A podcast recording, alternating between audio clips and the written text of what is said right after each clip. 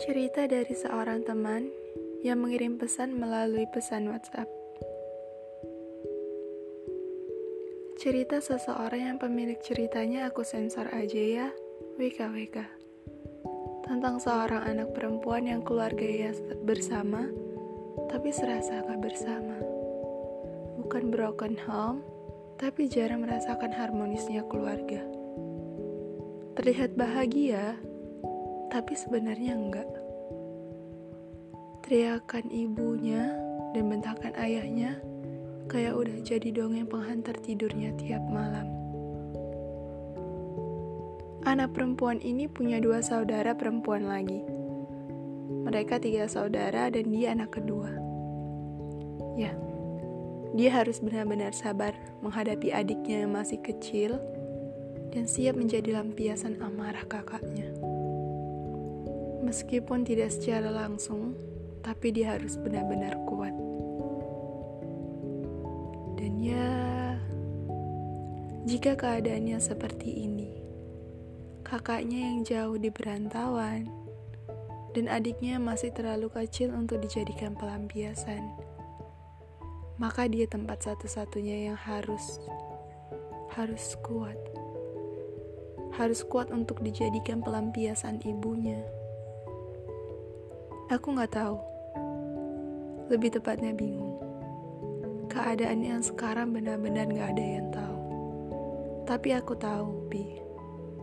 Dia masih seperti yang dulu. Selalu dipaksa kuat dengan keadaan. Haha, hihi, sana sini. Padahal ya gitu. Dia sering ngerasa kalau dia itu emang gak berhak bahagia dia benci dirinya sendiri.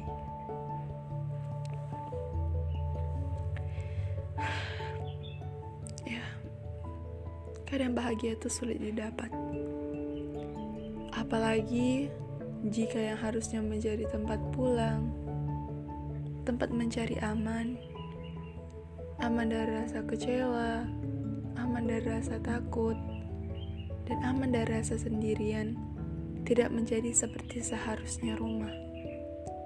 Karena yang justru mereka beri adalah yang sebaliknya.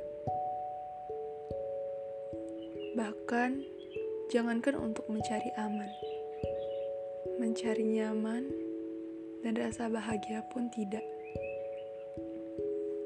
Yang seperti itu, bagi mereka, tangis adalah sebuah syarat syarat untuk hidup, untuk bertahan, dan untuk dianggap semesta.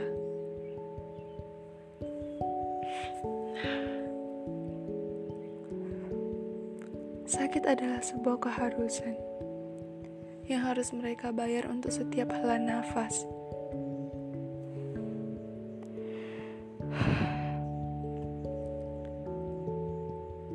Dan jika kalian punya kalimat It's my life. Tapi mereka enggak. Karena yang mereka punya, life and death are the same.